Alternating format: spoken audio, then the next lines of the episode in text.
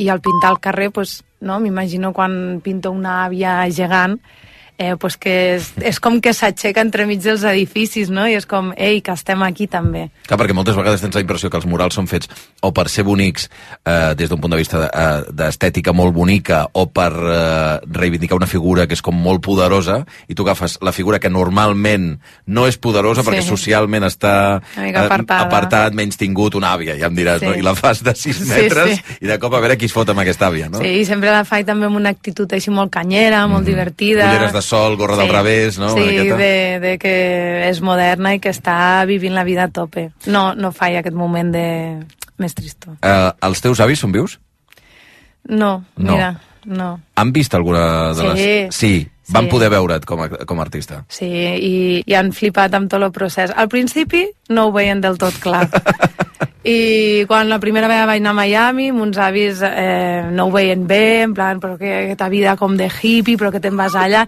I al final, amb uns, mons avis, res, fins fa un any s'han estat guardant tots els retalls de diari i tot, i, i sempre em deien, t'acabo de veure a TV3, t'acabo de veure a tal. I, sí, estan orgullosos de la feina. Estaven posadíssims, i a més ma iaia sempre ha sigut com, com la meva musa. Sí, eh? Sí. O sigui, tu has pintat la teva àvia. És que m'he donat compte al, al cap dels anys que, que realment mons avis eren molt especials, eren com uns persons. I clar, em pensava que tothom, la gent gran era així, sobretot al vint d'aquí viure a Barcelona, vaig veure que ostres, hi havia gent gran molt sola, vaig començar a veure precarietats i problemàtiques que no m'havia donat compte que tenien la tercera edat. O sigui, diguem-ne que tu tenies uns avis lluminosos. Mons avis, resumint, és fins als 95 anys anaven sols amb cotxe a ballar a motels a Salou. de, són els avis de falset, entenc, sí. eh? Són de part de mare o de, de pare. pare. De pare. Uh, I i te n'adones quan arribes a Barcelona o a terres a Barcelona que la realitat aquí és més gris. Mm. Sí, me n'enrodo d'anar per Passeig Sant Joan Clar, vinc d'un poble molt petit, també falset, i mm. on abunda molta gent gran, però molta gent gran sana. Activa. Activa. O sigui, gent que va al camp, a treballar al camp amb 93 anys, o sigui, i quan vaig arribar aquí, Passeig Sant Joan, com amb un banc, amb cadires de rodes, sols, al meu pis, jo veia que la dona de baix ni sortia al carrer, l'àvia ni la venien a visitar, i pensava, uau. I penses tu que estàs a prop de la quarantena en el fet de fer-te gran, també? Sí, penso, sí pinto també a, a aquestes àvies perquè és per mi és com una tipus de teràpia perquè jo tinc molta por a, a la mort, a, a malaltir i tal, i, i dic, mira, i m'ho pinto així que les veig simpàtiques, atrevides i tal, i dic, bueno, pues, segurament puc arribar així, i així m'ho crec. Ah, la teva àvia i el teu avi els has pintat eh, moltes vegades quan pintes sí, els avis i les àvies? No, mai, ara no, al principi. Al principi els agafaves com a referència? Sí, de les primeres il·lustracions que va ser va ser ma iaia amb la seva germana. Què feien? Eh, M'estaven criticant. La primera il·lustració sí. era una crítica cap a tu. Sí. I ho vaig penjar al Facebook en aquell moment que, que d'allò, i vaig, tothom m'ho va i va dir, ostres, fa bastant... I a mi m'ha fet bastanta gràcia, després vaig dibuixar un altre dia amb un avi, i, i una mica així van ser la semilla. Uh, has trobat avis i àvies que et diguessin coses uh, boniques sobre això? Sobre... Que no coneguessis, sí, eh? Sí, que et diguessin que maco això i que el fet, el fet de que siguin avis. Dic. Molt, sí, sí. Mm, gent gran que connecta molt amb la meva obra i això em fa una il·lusió. Quan vaig fer l'exposició a Barcelona van vindre eh, d'una residència unes dones i es van sentir molt empoderades, que es veien, diu, oi, mai m'hagués imaginat jo una senyora amb el cigarro, el còctel i tal, i, i, i me venen ganes ara de anem a fer un gin tònic. I, sí. Sí, estàs animant les àvies del país, eh, sí, sí. Manera.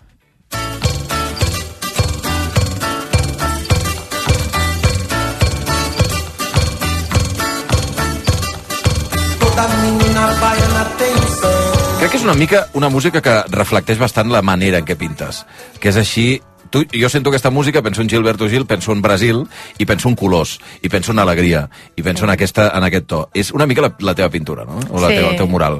Sí, és una mica, sí, com sóc jo, la meva pintura, el mural, sí. Mm. Sí, m'agrada transmetre sempre coses alegres, m'agrada treballar amb humor, amb colors, una paleta de colors càlida, Eh, eh, per tu aquesta música, Gilberto Gil, és important? Sí, no? sí. m'encanta la música de Brasil i com que he anat dues vegades a pintar allà i mm -hmm. sempre, sempre quan vaig als llocs intento fer com una llista i quan estic allà treballant amb la gent de la producció, els assistents, clar, compartim moltes hores, pintant de 8 del matí a 9 de la nit allà, pues, xerrem de tot, me posen músiques i quan torno aquí sempre em vaig escoltant aquestes cançons. Els assistents són sempre locals? Jo últimament viatjo amb la meva parella Mm, i que això... també pinta. Sí, sí, ha après a pintar. per culpa teva, no? Sí. Perquè què feia abans de Ell, no, conèixer? ell fa vídeo. Ah, fa vídeo. I així doncs, podem viatjar, ell fa els seus projectes, jo els meus, i Mhm. de tant en tant, doncs, quan ja tenim projectes lluny i xulos, doncs, anem junts, i així ell me fa el vídeo i també pinta. Uh, què és el que es fa quan et trobes una paret i et diuen, bueno, uh, 18 plantes o una planta? Uh, què és el que s'ha de fer amb aquella paret abans de pintar-la i, i com, i com s'enfoca una pintura quan l'has de fer?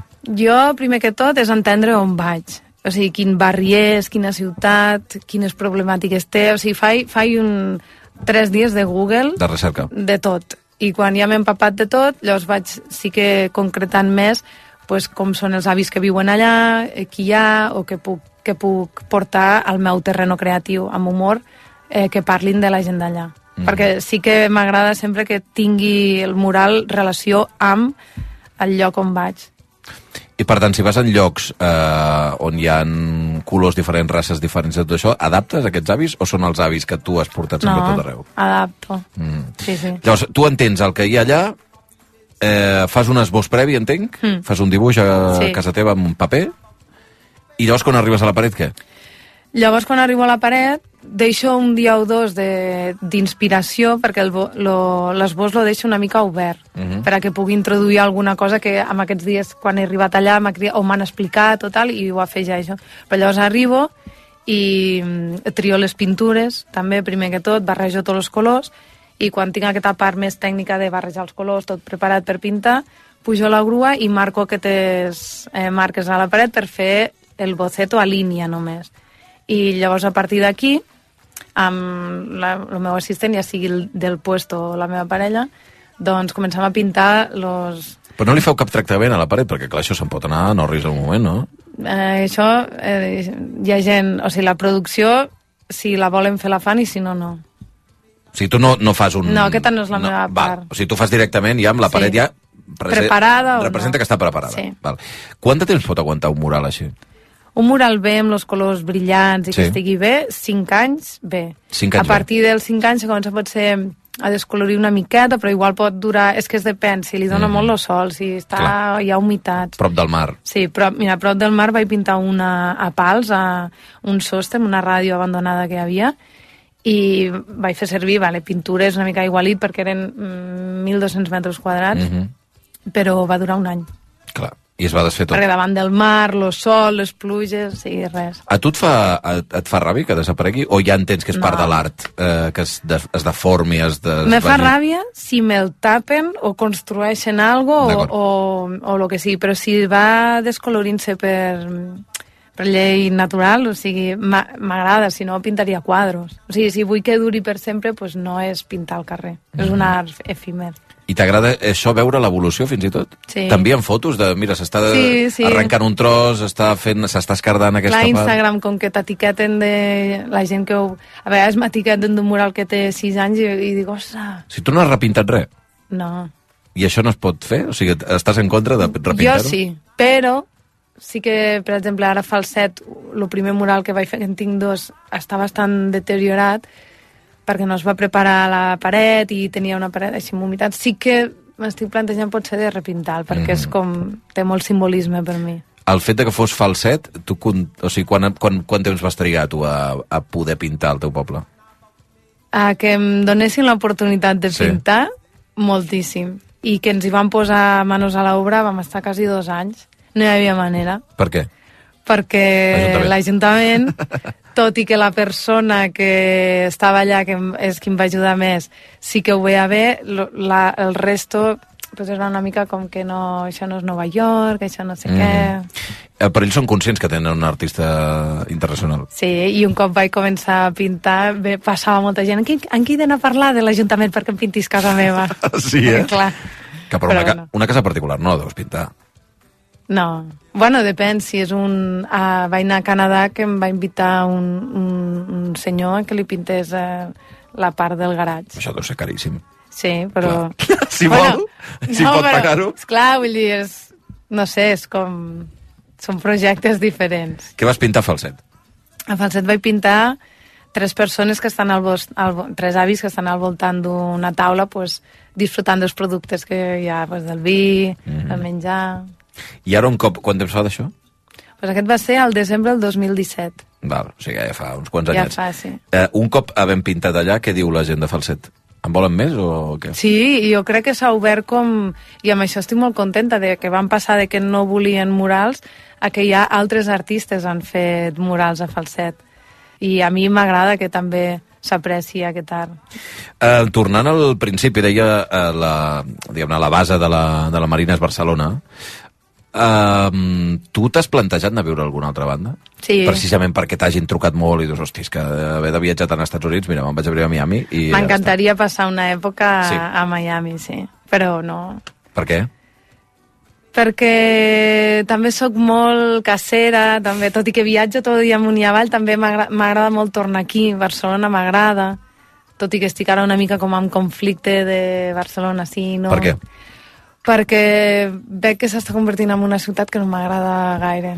En quin aspecte? pues a nivell del turisme, la contaminació, no sé, um, les polítiques que s'estan fent estàvem anant com cap a un bon camí i ara sembla a vegades coses que tornem endarrere. Però fixa't, hi va haver un, un alcalde, em, de, em deies, va haver un alcalde, en aquest cas Xavier Trias, eh, que van fer canvis d'ordenances, Sí, però hi ha hagut una alcaldia de 8 anys de, de Colau. Tampoc no ha canviat el Tampoc, moralisme en això? No, Mhm. no, no, no.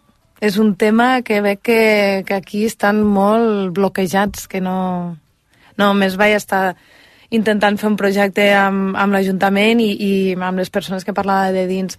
Vam estar un any i semblava que sí, per pintar un, un centre de dia d'una part molt gran de, Home, estaria avis. I al final les altres esferes va, va, Van frenar-ho. Home, sí que tens algun lloc que sigui centre de dia, un espai d'avis, que estigui pintat amb mural d'avis? La residència a Girona. A Girona. una residència que aquest va, ha sigut el projecte per mi més bonic que he fet mai i més emotiu i va ser increïble perquè al sortir de la pandèmia vaig voler fer un homenatge a tota aquesta gent que havia estat a les residències i bueno, em va costar un any, vaig escriure moltes residències, totes me deien que no, que no volien embrutar la paret. I al final quan li vaig proposar amb aquesta de, de Girona la directora va ser la primera persona que em va dir uau, quin regal que ens vens a fer. Dic, és que i va ser molt guai, cada dia sortien els avis com a cantar cançons, a fer el vermut, a veure com pintaven, preguntant si la grua... O sigui, super tècnics, va ser increïble, jo cada nit plorant. Al alguns avis surten allà? Sí, O i sigui, van ells pujar la mateixos? grua. Ah, no, Ah. o sigui, al mural no, vaig, Val. però sí que van participar al procés, o sigui, vam dir, vaig fer diversos bocetos i ells van triar El pues, que volien. el, que, el que volien. Vàries àvies, sobretot les dones, van pujar a la grua amb 90 anys a pintar. Ah, van pintar sí, elles, sí, eh? Sí, sí, va ser molt divertit. Hosti, noi. Bueno, per acabar, quanta gent treballa amb tu quan fas un mural d'aquest? Suposo que depèn de les dimensions, eh? Però... Sí, depèn. Però normalment jo treballo els primers dies amb, amb un assistent Mhm. i després sí que m'agrada estar els últims dies. M'agrada molt estar sola, com ja que ja està tot fet i només són detalls i, i aquí ho disfruto molt. Els primers dies sempre és una mica més. Si voleu buscar la seva obra, aneu-la a buscar. Marina Capdevila, ella és una de les muralistes bones que tenim al país, perquè, entre altres coses, pinta tot arreu, ha pintat als Estats Units, a Europa. Eh, no sé si a Amèrica del Sud hi has passat, si allà hi ha tendència o no. Sí. També, eh? Sí, sí. N'hi ha? A, a Brasil... Bueno, a part de Brasil, perdona, sí. sí. a Mèxic... Mèxic també és un sí, bon país de... Mè- Mèxic... Bueno, és que ja increïble. t'imagines, jo, jo penso en Mèxic, ja veig eh, cases pintades de colors a tot sí, arreu. Mèxic és increïble. Mm. Sí, sí. Això també ho vas adaptar quan vas anar a Mèxic? Perquè hi ha aquesta cultura no, vinculada a la mort, que deies que és un tema que t'ho preocupa i que Sí. sí. t'ocupa. No, no, no, o sigui, era aquest, aquest tema igual de la gent gran. Mhm. sí, sí. Uh, Marina Capdevila, ha estat un plaer, moltíssimes gràcies per Moltes acompanyar-nos gràcies, i a sí. veure si et donen permís també per seguir pintant a, a Catalunya. A veure, Moltíssimes si gràcies. Marina. Gràcies.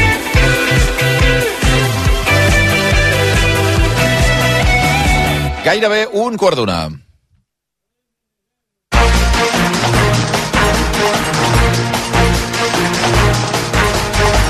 Hora d'actualitzar la informació amb Marina Arbós, bon dia. Bon dia. També amb el Quim Salvador, bon dia. Quim. Bon dia. A València s'acaba de fer un minut de silenci davant l'edifici on hi va haver-hi l'incendi dijous a la tarda. Sí, això després que aquest matí s'hagi sabut els resultats preliminars de les autòpsies de les 10 víctimes mortals, tot apunta que van morir per culpa de la inhalació de fum. Sapiguem quina és l'última hora amb l'enviat especial de RACU a València, Jordi Armenteres. Sí, això ho ha informat l'equip de forenses. Remarquen que és un resultat preliminar, però conclouen que la majoria de víctimes, sense precisar la xifra, van morir per inhalació de fums i no per les flames.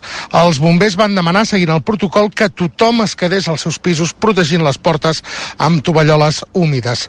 A la rotonda de davant de l'edifici, ara a les 12 s'ha fet un minut de silenci que havien convocat alguns dels veïns d'aquest barri. Sí que és veritat que ha passat una cosa, que hi ha tanta gent i tanta gent que ve a xafardejar com ha quedat a l'edifici, la gran majoria no sabia absolutament res i aquest minut de silenci s'ha fet en un extrem per un grup reduït de veïns.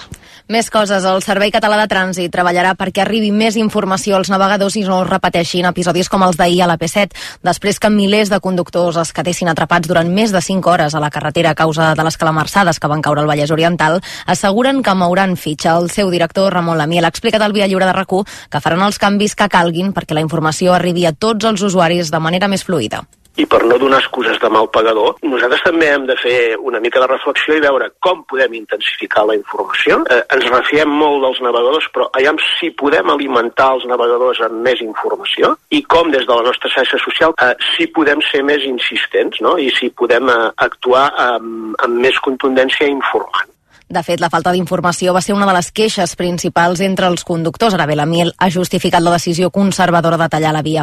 Diu que volien evitar de totes totes que es produís un xoc múltiple com el que va haver fa dos anys quan una, en una situació similar, quan hi va haver 16 persones ferides. Recordem que ahir es van fer cues quilomètriques en el tram que va des de Cardedeu fins a Sant Celoni i que la gent va estar al cotxe des de les 6 de la tarda i fins pràcticament la mitjanit. I en crònica política, Esquerra Republicana vol retirar per llei el monument franquista de l'Ebre vol que en menys d'un any, a partir de l'entrada en vigor de la llei de memòria democràtica, ja s'hagin fet tots els tràmits. De fet, els republicans han registrat esmenes a la llei de memòria per ampliar els supòsits de víctimes de la dictadura. Demanen aplicar més mesures per restaurar institucions afectades pel franquisme, com ara reconèixer les ètnies i llengües que en van ser víctimes. De fet, reconeixen com a víctimes els parlants del català i de l'aranès per la persecució a la llengua i al poble gitano i romaní per raó de raça. També proposen restituir el dret de municipis que van quedar accionats a altres poblacions. És el cas de Medinyà, el gironès, que va passar a formar part de Sant Julià de Ramis. Finalment, volen introduir la memòria democràtica com a assignatura a les escoles. Esports, el Barça és segon a la Lliga, 5 punts de liderat del Real Madrid i per davant del Girona després de golejar el Getafe a Montjuïc 4-0 amb gols de Rafinha, Joao Fèlix, De Jong i Fermín. El Madrid rebrà aquesta nit al Sevilla al Bernabéu, partit de retorn de Sergio Ramos com a jugador visitant. Ancelotti recupera Rudiger, però té set baixes. Carvajal i Camavinga estan sancionats i José Lu Bellingham, Courtois, Alaba i Militao lesionats. El Girona s'entrena a aquesta hora per acabar de preparar el partit de demà Montilivi contra el Rayo, amb Mitchell pendent de l'estat físic de Blin i David López que podrien tornar a la convocatòria. A segona, l'Espanyol és en posició d'ascens directe segon després de la victòria èpica d'ahir al camp de l'Eibar 2 a 3 amb gols de Brightweight, Salvi i Lazo els dos últims al temps afegit.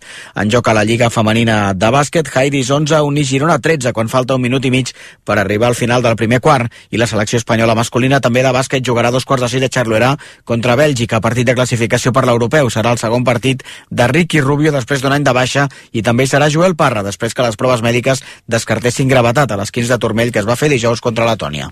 I el temps durant tot el dia s'aniran repetint els ruixats febles a l'interior i al nord del país, sobretot a les comarques de l'Alt Pirineu i l'Aran amb una cota de neu que ha d'anar pujant cap als 1.500 metres. Tot i això, en algunes valls la nevada es pot mantenir per sota dels 1.000 metres unes hores més. A la resta, el cel continuarà mig enlobulat i l'ambient seguirà fred amb moltes màximes entre els 8 i els 13 graus. Passen 3 minuts d'un quart d'una. Gràcies, Marina. Gràcies, Quim. Fins ara. Fins, Fins ara. ara.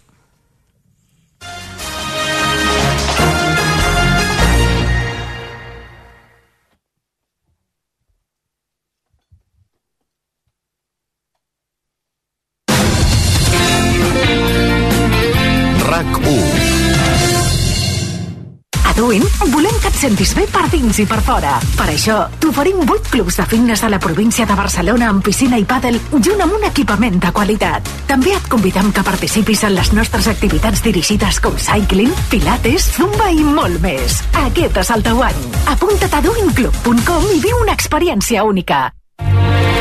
Descobreix la bellesa de les illes gregues el nord d'Europa amb MSC Cruceros. 8 dies amb tot inclòs i vols des de Barcelona. O visita la Mediterrània amb embarcament a la ciutat a partir de 823 euros per persona. Reserva a msccruceros.es o a la teva agència de viatges. MSC Cruceros, un viatge cap a la bellesa.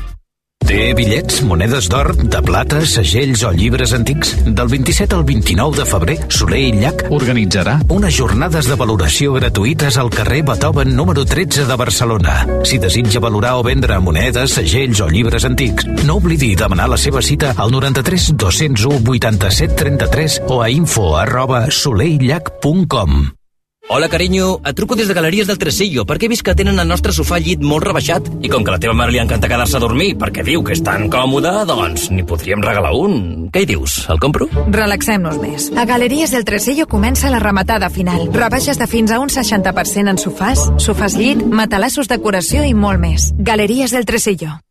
Agatha Roca és una professora associada d'una universitat a l'última obra de Victoria Spunberg, L'imperatiu categòric, un retrat social que planteja amb molta ironia què és èticament correcte quan el sistema t'ofega. Del 28 de febrer al 24 de març, al Teatre Lliure. No et quedis sense entrades. Actualització constant a rac1.cat. El portal de notícies de RAC1. R-A-C-U.C-A-T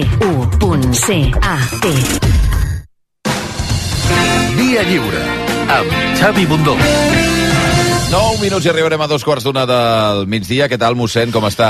Fantàstic. Bon diumenge. Ai. Estàvem aquí comentant... Uh... Els bunyols, eh? Home, Estem en època de penitència, que... no ho sembla, eh? Estic a punt, Xavi, de protagonitzar un afer històric a la ràdio catalana, que és no, que em dongui una pujada de sucre sí, tan sí, sí. gran, una glucèmia de manual. No, jo que, eh, ara fa un moment l'he vist a punt d'entrar a l'estudi i oh. estava assegut a la cadira de fora i, i semblava que necessitava el gota a gota, eh? És que... Estava així, eh? Hem de dir, hem de dir a tota Catalunya, sabeu que m'agrada... Respatller enrere, eh? Sabreu que m'agrada el sucre. Arribo aquí, hi ha una bandeja que és equivalent a la pista del Palau Sant Jordi. Però què és ben plena, això, Xavi? Plena, són bunyols! Bunyols, bunyols. Però que estan farcits de crema, però l'equivalent de la farci... Alguns, altres no. Alguns no, però... Són de la pastisseria Bonastre, de Barcelona. Ostres, doncs els mira, que estan farcits dins porten l'equivalent a qua, un pack de quatre tilles de net. Sí, sí, sí. Estan sí, rafators, rafators. No m'arriba la sang al cap ara. Ai, ai, ai. Oh. En queden Bé, molt pocs, però, mossèn, eh? es, es troba bé, però a banda d'això... No se puede estar mejor, ni tener más dinero, ni ser más guapo. Eh? 8 minuts i arribarem a dos quarts d'una. De seguida arrencarà l'embalat, però abans... Per acabar de rematar el tema, eh? si us agrada menjar bé oh. i trobar propostes originals, no us perdeu la pròxima cita que us proposa el poble espanyol. Al cap de setmana del 9 i 10 de març celebraran el Sant Miquel, Sant Miguel Gastrofest amb 10 restaurants, 20 platets, una gran calçotada oh. i tot quilòmetre zero de temporada i en un espai ideal. És el gran festival gastro sostenible on podreu fer molt més que menjar i trobareu show cookings, xerrades amb la Carme Ruscaller dels germans Torres, a de parellada, mercats, tallers, degustacions, música, live painting, que això li agrada molt al mossèn, molt. i un munt d'activitats infantils. L'entrada amb consumició val 5 euros Home. i les teniu a poble-espanyol.com i gastrofest.cat. Via lliure amb Xavi Bundó. T'imagines que en un mateix dia omplíssim els teatres d'arreu de Catalunya? Doncs deixa't imaginar-t'ho. El dissabte 16 de març no deixarem cap butaca buida. Suma't a aquest gran repte de país comprant la teva entrada a capbutacabuida.cat o al teu teatre. Tots aquells que ja condueixen el número 1 se senten únics, especials. I ara, perquè més gent pugui sentir aquesta increïble sensació, Hyundai posa a la teva disposició el Tucson amb unes condicions immillorables. No esperis més i gaudeix ja de la increïble sensació de conduir el número 1 en vendes. Xarxa de concessionaris Hyundai de Barcelona. L'averia del cotxe, la universitat de l'Anna... No sé com arribaré a final de mes. Tranquil. Si llogues el teu pis amb lloguer segur, pots sol·licitar l'avançament de fins a 3 anys de renda per fer front a imprevistos econòmics o nous projectes. Informa't a lloguersegur.cat o al 910 775 775. Lloguer segur, la revolució del lloguer. Te compra tu coche, te compra tu carro, te compra tu buga. Te compra tu furgo, te compra tu moto, te compra tu auto, caravana. ¿Te han hecho una oferta? Te la mejoramos. Has oído bien. Mejor precio garantizado y compromiso de pago en 24 horas. Ven a vernos. RAC més 1, podcast. Si li pregunto al xat GPT quines són les 5 qualitats d'un emprenedor, què em dirà? Visió innovadora. Disposició a arriscar-se. Flexibilitat. Visió de negoci. Empatia. I si li pregunto al xat GPT que em suggereixi un lema pel podcast d'emprenedors de RAC més 1, O canvies el món, o el món et canviarà tu. doncs no se'n parli més. A RAC més 1, RAC and Go, el podcast pels emprenedors disposats a canviar el món amb Oriol Llop. Escolta'l cada 15 dies a la app de rac i a rac amb l'impuls de CaixaBank Day One, el servei per a startups, scale-ups i inversors de CaixaBank.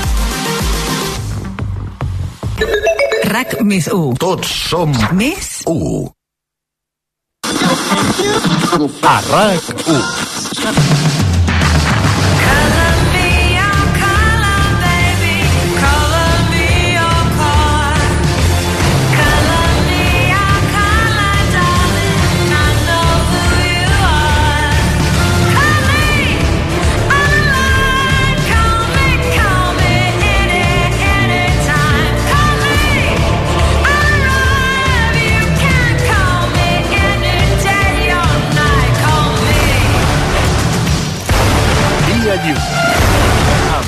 Bundó. Bravo! Molt bé, ole! Ese. Lleida. Jaica. Ostres. Extraordinari. Molt bé. Fem els rombos o no? Espera't un moment que m'estan pujant Eh tots sí? els bunyols. Ara ja estem. Endavant! 4 minuts i dos quarts d'una. Ara. Aquesta part del programa podria contenir traces d'eufòria i entusiasme. No és recomanable escoltar aquesta secció si esteu cuinant. El programa no es fa responsable de res si se us crema el sofregit.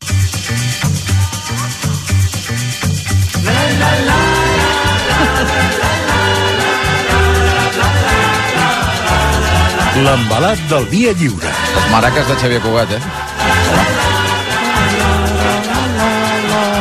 Ui, ui, aquest to de veu. Per la taquilla que sempre baixen els bunyols. Visca l'embalat. Visca l'embalat. Que fugi la xitxalla que dintre Està molt malament, eh? Visca l'embalat. Mossèn Oscarlín, bon diumenge. Bon dia, bunyolistes! Bon dia, Catalunya! Com esteu totes? Eh? Fem penitència, mossèn. Es l'últim cop, ya mira cómo vas a decir el primer día de radio. 500 años haciendo radio, que no te comas 500 buñuelos y dos latas de Coca-Cola antes de hablar, que se te pone luego la boca Uh. Como históricos de... Bueno, de- de- deixem aquí. Perdona, jo he sentit algun butlletí informatiu d'alguna època d'aquesta casa, d'algú que s'havia pres una galeta abans d'entrar i no, veus allò que és els gossos de Pavlov. Eh? Sí, sí. Que no, no, acabarà, no acabarà el butlletí, eh? No. Que va... va... Perquè allà a Casa Olivera... I què? de passar tan És- malament. Jo que- aquests tràngols no només us he vist, els he vist a la ràdio i tal, i a, a persones com Pepe el Marismeño, que se'ls hi feia bola el, el bunyol i no podien tastar. Bé, amigues, com esteu totes? Sí, home. Heu estat per, vostè, mossèn. per contrades aquests dies. Sí, home, Per- l'altre... Bueno, fa unes setmanes estan per allà Sí. a Valls. Molt bé. gent encantadora, fantàstica. Molt bona gent a Valls, Sí, sí, sí. molt bona gent. Avui no vinc a parlar de tan bona gent. No? No. Ah, no? Avui sóc vingut directe, amigues... Eh, Fem una mica Santa Maria del Mar. Posa'm una de Santa Maria del Mar, eh, xiquitín. Ara. Amigues!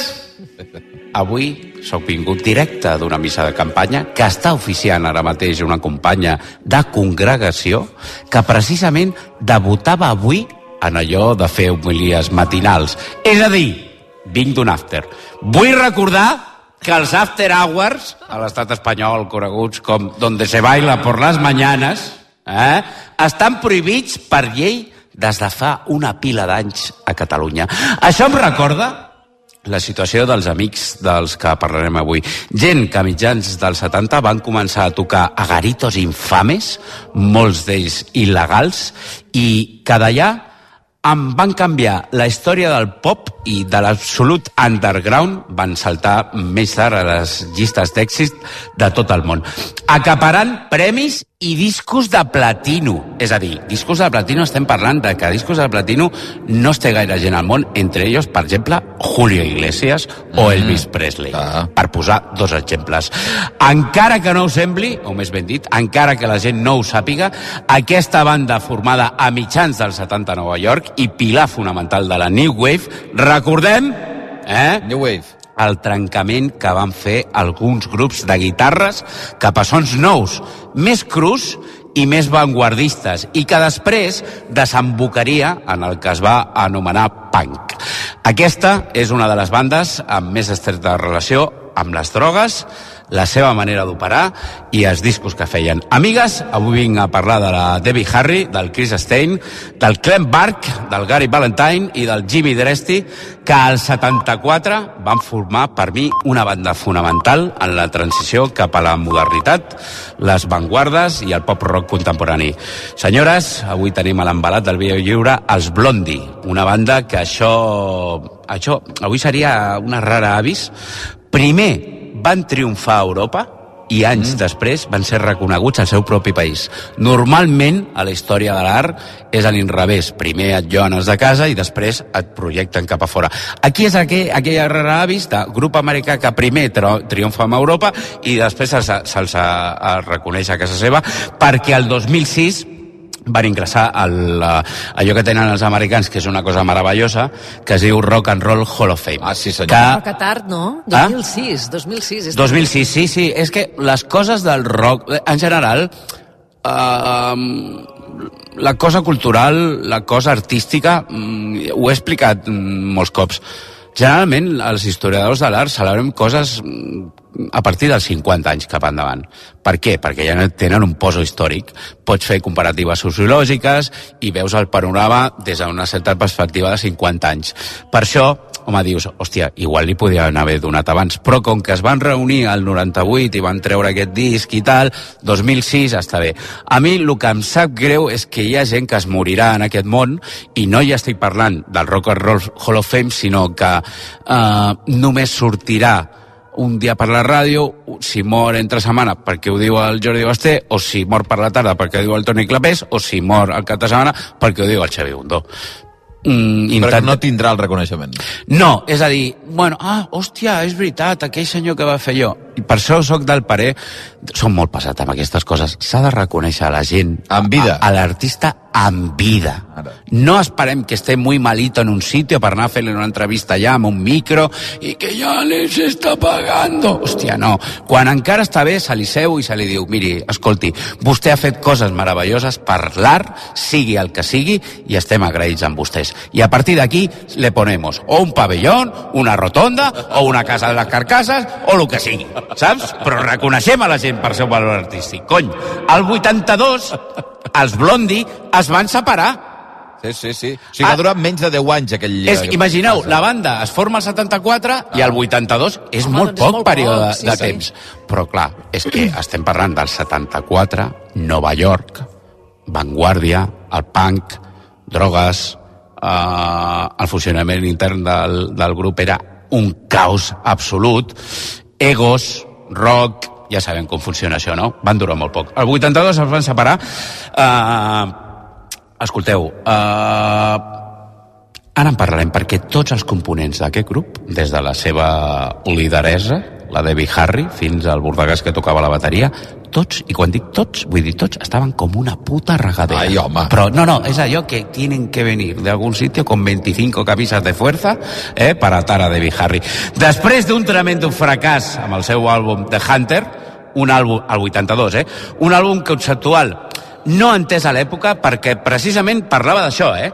que passa pel cap per una sèrie de gent que va començar a actuar eh, com la meva amiga Dijockey a baixos de panaderies de l'Eixample per després omplir estadis, sortir a totes les televisions i ràdios del món. Ells, Xavi, van ser una de les primeres bandes que jo recordo parlar de salut mental van col·lapsar. No només per les drogues. Era, no somos nadie, somos unos punkis de merda, que estem al Hell's Kitchen de Nova York, amb Lou Reed, amb, amb Pat Smith, sí, eh, sabemos quién es Baudelaire, però soy un adicto a la heroïna, i passo d'aquí a sortir a la NBC i a ser, oh, bueno, ara en parlarem, David Harry, fins i tot abans d'entrar a Blondie, ja vi- havia fet les seves coses d'actriu, va sortir al Playboy, perquè és una senyora, era la seva època, era, i ara, que collons, a la seva època. I ara, una senyora espectacular. Visca les senyores de mitjana edat! Home, bueno. per l'amor de Déu, eh? En té 78. En té 78. Recordem... Que... No! Calleu! Quietos ahí detrás, los ultrasurs de misa. Fora! Està bé, està bé. Vull recordar que el baremo per mi, la senyora de mitjana edat, comprèn les següents edats. Mitjana edat és de 36... Sí? 36? 36, Fins ja és mitjana edat, fins 86. perquè 87 ja és una altra cosa. Mitjana edat, 36, 86. Va, vinga. Ja està. Bueno, endavant amb això. Al 98 es reuneixen per gravar el disco no èxit. Eh, I perquè no tenien... Home, ara fa 25 anys sí, disco el van, eh, és eh, que celebrar ara celebrem això amb aquesta cançó que la coneix tothom, però per què es van reunir?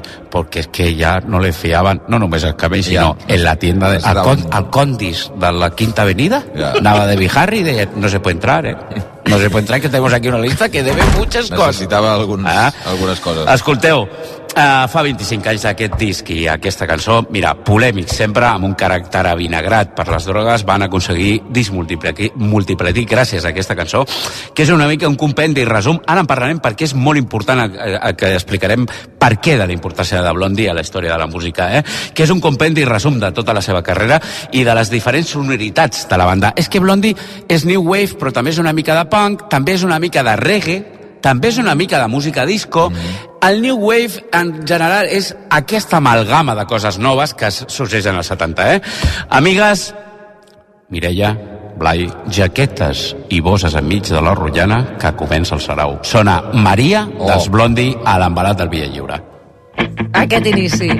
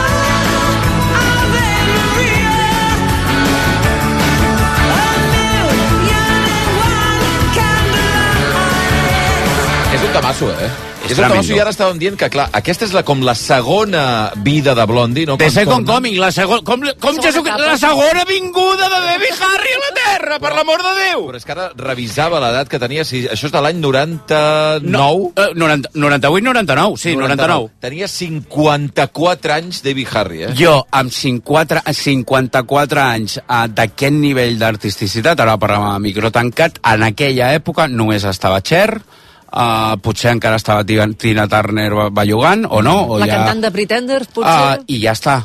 O sigui, dones que hagin començat al 74 com David Harry i aquest any estiguin... Uh, van fer una gira mundial, eh? Es van reunir, van dir, cony, estamos vendiendo aquí a punta pala. Home, és que devia vendre una Tira. barbaritat, aquest disco. Jo me'n recordo fins i tot... Això va ser número 1 als 40 principals. Eh? Sonava a tot arreu, això. Blondie, 40 principals, número 1 al 99. Però escolteu, aquesta gent van començar sent uns destralers brutals. Aquesta gent van ser censurats i van tindre que treure el seu primer single al mercat uh, perquè va, mm, es van advertir des del Departament de Policia de Nova York que cuidado con la canción que iban a sacar. Així, eh? L'escoltem ara mateix, es diu X Offender, és a dir, uh, assetjador, Assetjador X, se- sexual. però és que la, el títol original d'aquest tema, que encara està por ahí, que tal, es diu Sex Offender. Bueno, què és això? Vale, molt bé, Sex Offender. Però qui és el Sex Offender? Ah, no sé. És que aquesta cançó versa principalment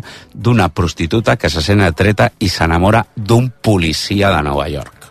O sigui, aquest Maria, que ara mateix estava cantant ma mare mentre estava Home, fabricant el home. Mari, Ave Maria, pues van començar a dir-li a un policia, policia, vostè és un pic i un violador. I sonava així. I saw you standing on the corner. You look so big and fine. I really wanted to go out with you. So when you smiled, I laid my heart on the line.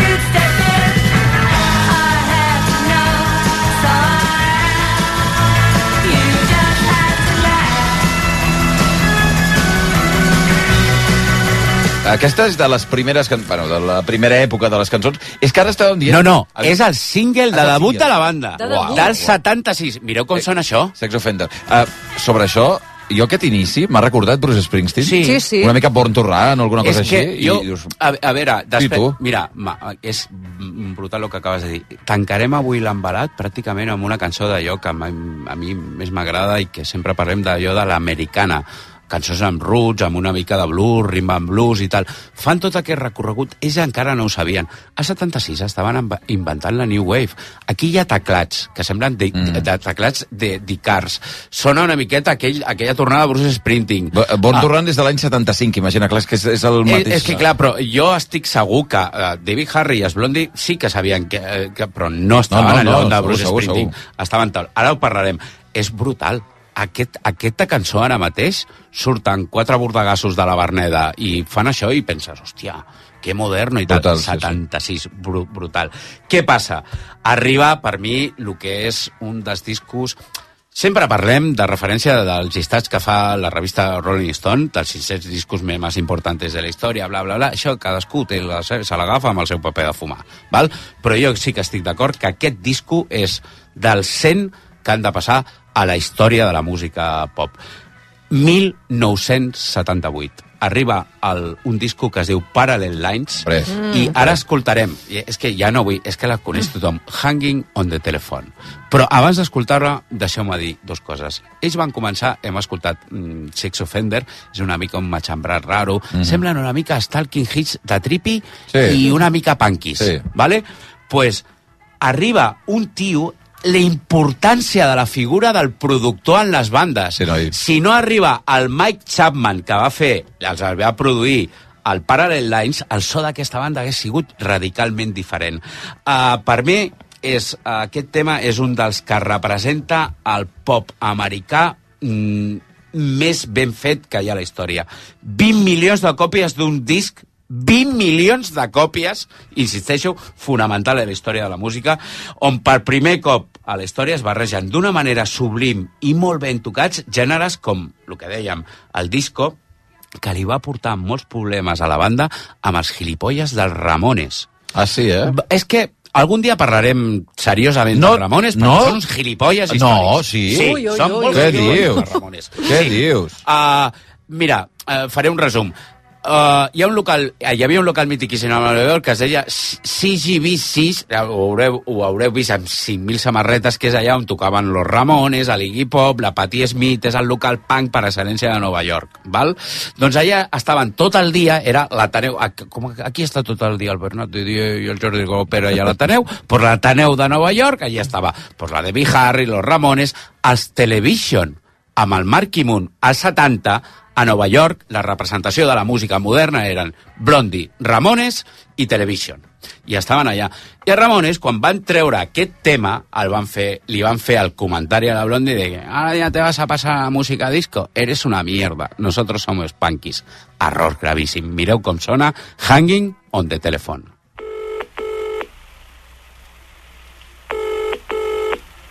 I'm in the phone booth,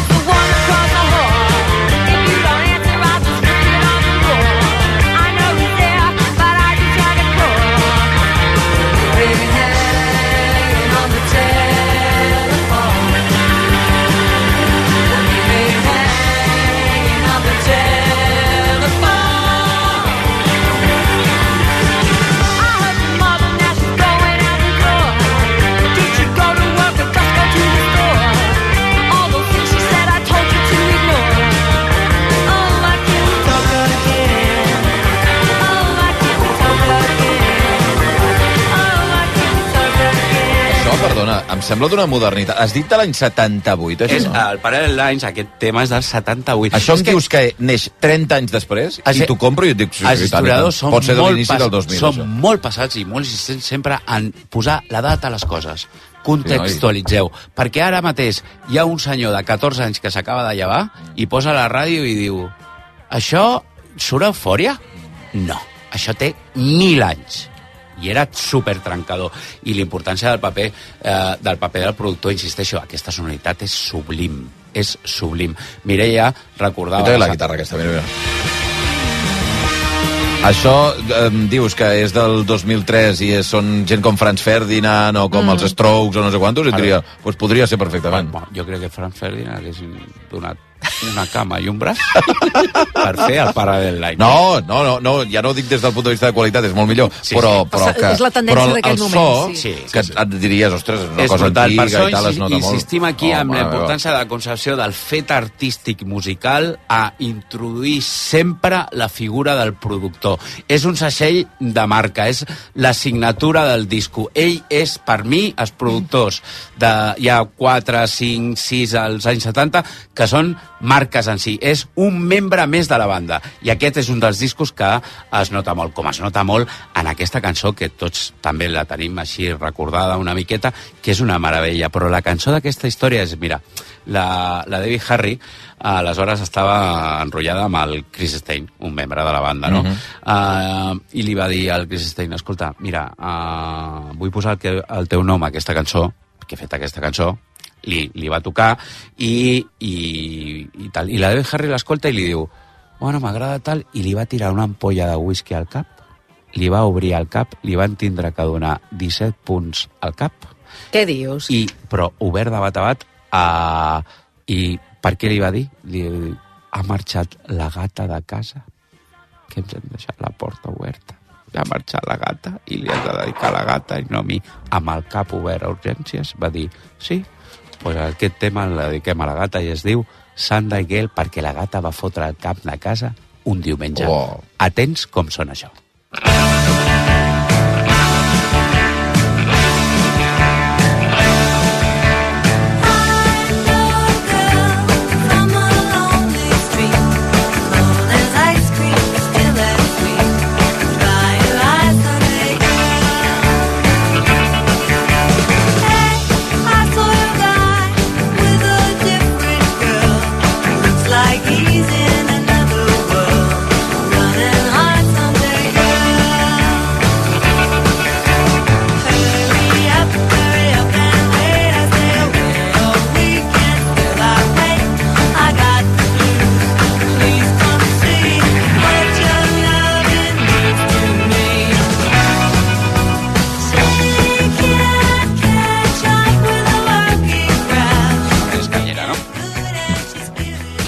Sant Miguel.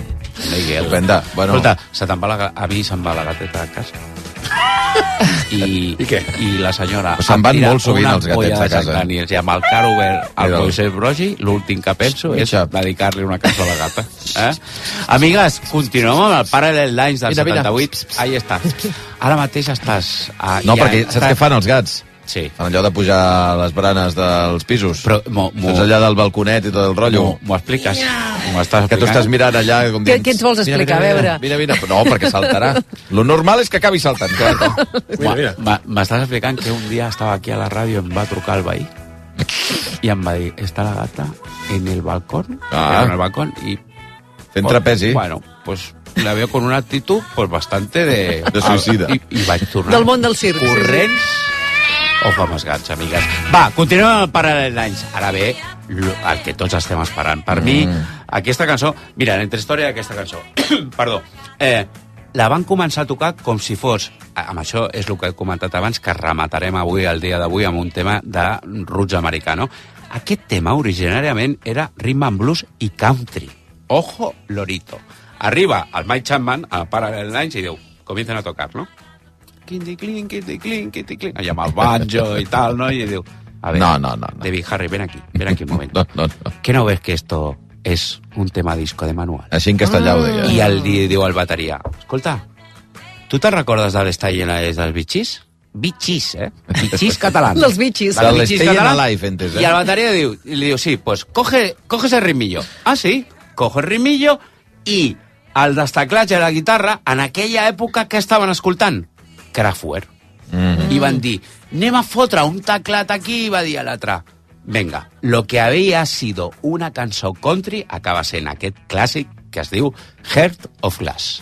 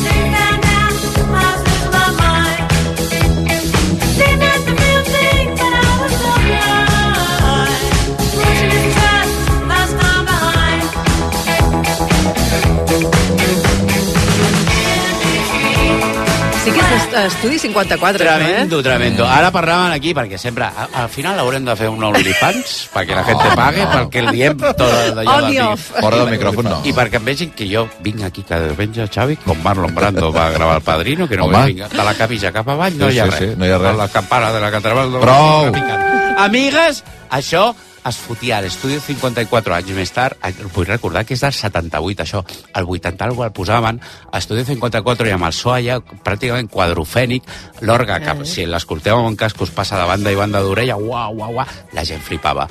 Els primers negres els disjòqueis negres, quan van descobrir que hi havia blanquitos modernos, ni waivers i tal, d'allò van dir, tate, ja estan impillats pels ous. Va començar el, aquesta branca que està molt associada a la New Wave, que és la música disco amb guitarretes una mica punkies, mm. amb una mica que d'allò, amb una senyora amb una veu preciosa cantant, això és brutal. Jo ara mateix, si aquesta gent tinguessin una miqueta menys d'anys i tal, jo crec que seria un dels grups que s'hauria d'haver portat al sonar per acomiadar-se de l'escena. Així de dic perquè és un matxembrat de moltes coses. El Sonar no només és música electrònica. Sí, vull, sí, sí, vull sí. recordar que el Sonar han tocat de gent des de Sonic Youth Sí, sí, sí. uh, fins a Suno, un, uns heavies del Duran dimoni Duran. i tal, i Duran Duran, per exemple. Amigues, tanquem aquest cicle. Estem al 78, no? Va, anem un any més eh, cap aquí, perquè treuen un disco que es diu It to the Beat. Què vol dir It to the Beat, Xavi Bundol? It to the beat? Sí, It to the Beat. Menja't el què? El beat. El beat, Què és un sí, el, beat? el, el, el ritme, no? Com Però el bom? it, to, it to the beat. It the beat. Doncs mira, no sabria dir si l'expressió és menja't el ritme, sí. En argot, al carrer, això... No, tranquil. No, a no, no, no parteu les criatures, que no diré cap de les meves. Uh, to the beat, en el- en l'argot, és menja't el bombo. Ah, menja't el bombo. Vale? Aleshores, la crítica especialitzada als Estats Units, no gent que va de jurat a concursos de karaoke que fan els divendres a les nit a la televisió. No, no, no. No gent que té un bloc de merda i emite juicios de valor sumaríssimos dient que és bo, dolent o contemporani o no ho és. No, no. Gent que ara són professors de Harvard o a la Universitat de Duke diuen que aquest tema és el que defineix millor el terme New Wave i que molts també el comparen, ojo, en importància i en la tonada amb el Dancing Queen d'Ava. No és un tema molt conegut, els que ens agrada Blondie, ens agrada molt aquest tema, però pareu atenció perquè és una absoluta meravella. Sona Dreaming del 79.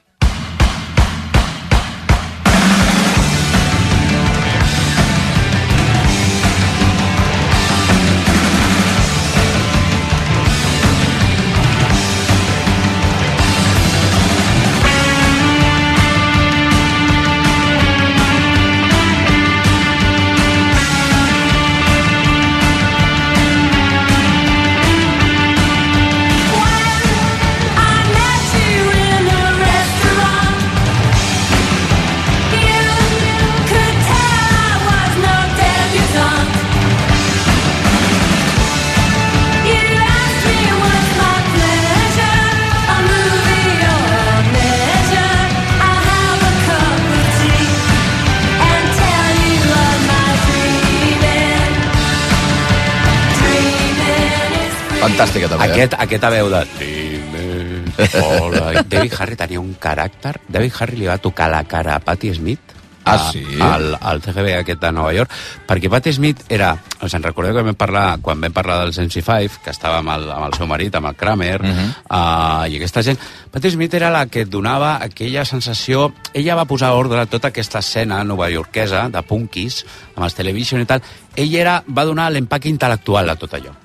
Sense Patti Smith, la New Wave i el punk de Nova York haguessin sigut una banda de hooligans cerebrals com els Ramones, drogadictes eh, fins a la mort com els Blondie, no hagués tingut aquell empaque. Patti Smith és molt, molt, molt culpable, en la bona, en el bon sentit del terme, de que això hagi passat a la, a la història. Escolteu, jo crec que hem escoltat Dreaming i ara jo ja començo a treure l'artilleria gorda. Ah, sí, eh? Ara ja vull a casa, gent allà amb el, el davantal fora, eh? Brales, brales, Brale, eh? brales. Favor. Home, i tant, perquè ara anem... És un d'aquells pocs casos a la vida que una cançó que està feta per una pel·lícula triomfa més enllà de la pel·lícula. Jo crec que és més coneguda la cançó molt més que la pel·lícula. Escolteu, arribo al 80 i el meu amic, el meu amic, però a mi personal, Xavi, Richard Gere, Sí, va- sí. Bueno, ja sabeu. Un carinyo, ja ho Ei, què passa? Richard? Ei, què passa, Òscar? Sí, sí.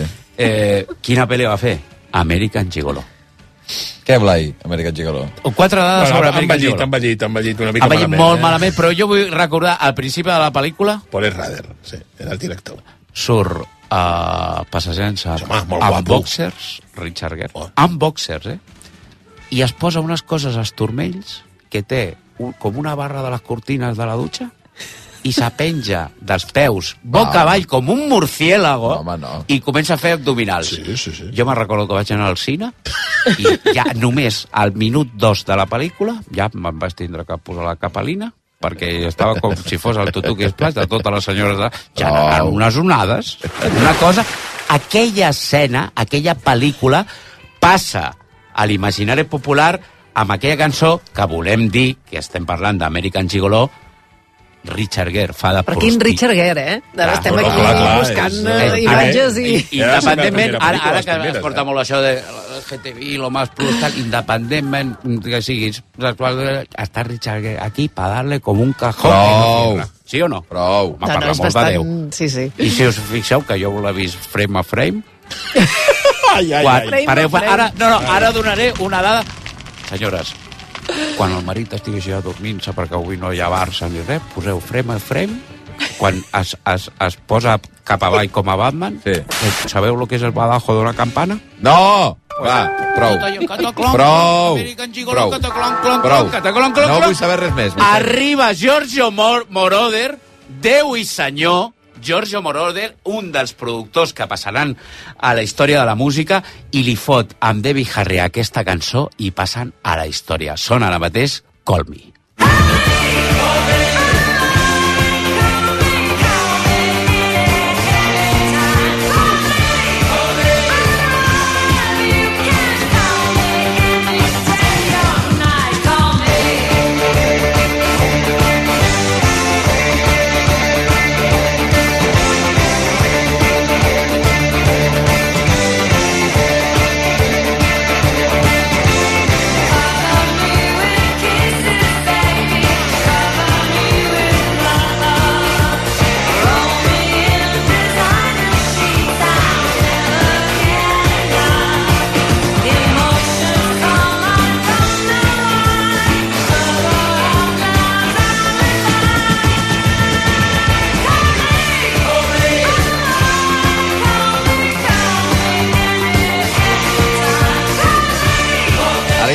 D'aquí que em recordaven a Kiss.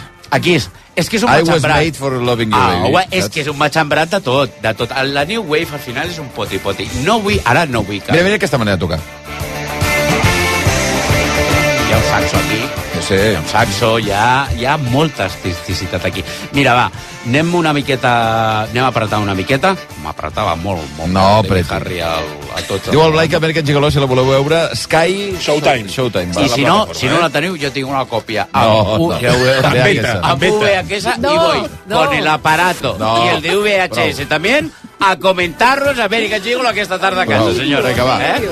Amics, anem a escoltar un live del 80 perquè vull que, perquè sempre ens quedem Ah, está hablando sobre producción, esto suena como Los Ángeles i tal. Mireu com sonaven els 80 en directe els Blondie amb aquest gitarro, que també és un clàssic de la banda, que es diu One Way to Another.